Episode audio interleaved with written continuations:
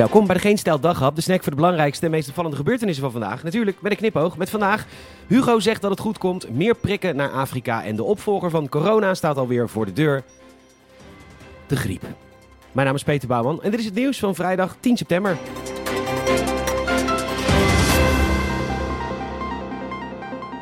De Telegraaf meldt dat Hugo de Jonge niet denkt dat veel CDA'ers zullen overstappen naar Omtzigt nu die alleen doorgaat.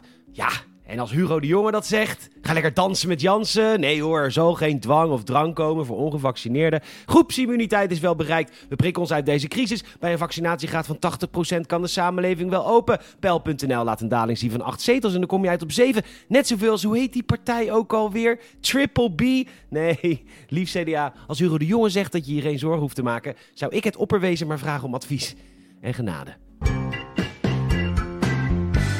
Ze is de maker van het AstraZeneca-vaccin, Dame Sarah Gilbert. Ze heeft inmiddels een eigen Barbie-pop en de NOS meldt dat ze tegen boostershots is.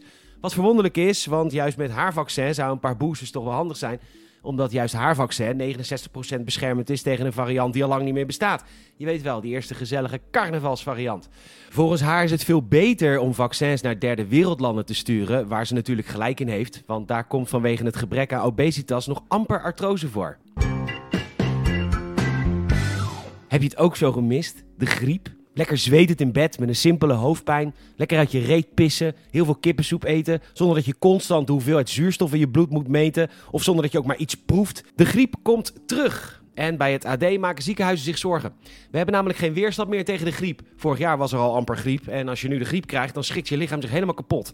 Yvonne van der Welen, woordvoerder van het Admiraal de Ruiter ziekenhuis in Goes, vraagt zich af of ons immuunsysteem is verzwakt door alle afstandsmaatregelen en dergelijke. Ja, lieve Yvonne, die gedachtesprong snap ik, maar dit is letterlijk iets waar geen oplossing voor is. Want dan is het of voor altijd afstand tot iedereen nooit meer mag iets, of we moeten die immuniteit weer gaan opbouwen door lekker ouderwets griep te krijgen.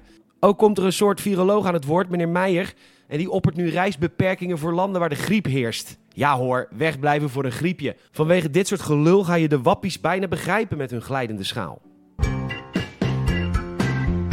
Bij de NOS noemt Wopke Hoekstra, voorman CDA, voltooid leven een kwestie voor Kamerleden. Oh ja, hoe oude bestuurscultuur wil je het hebben? Normale mensen mogen niet over hun eigen leven beschikken. Dokters kunnen in de problemen geraken. Maar Kamerleden mogen helemaal zelf weten wanneer ze uit het leven stappen. Baba.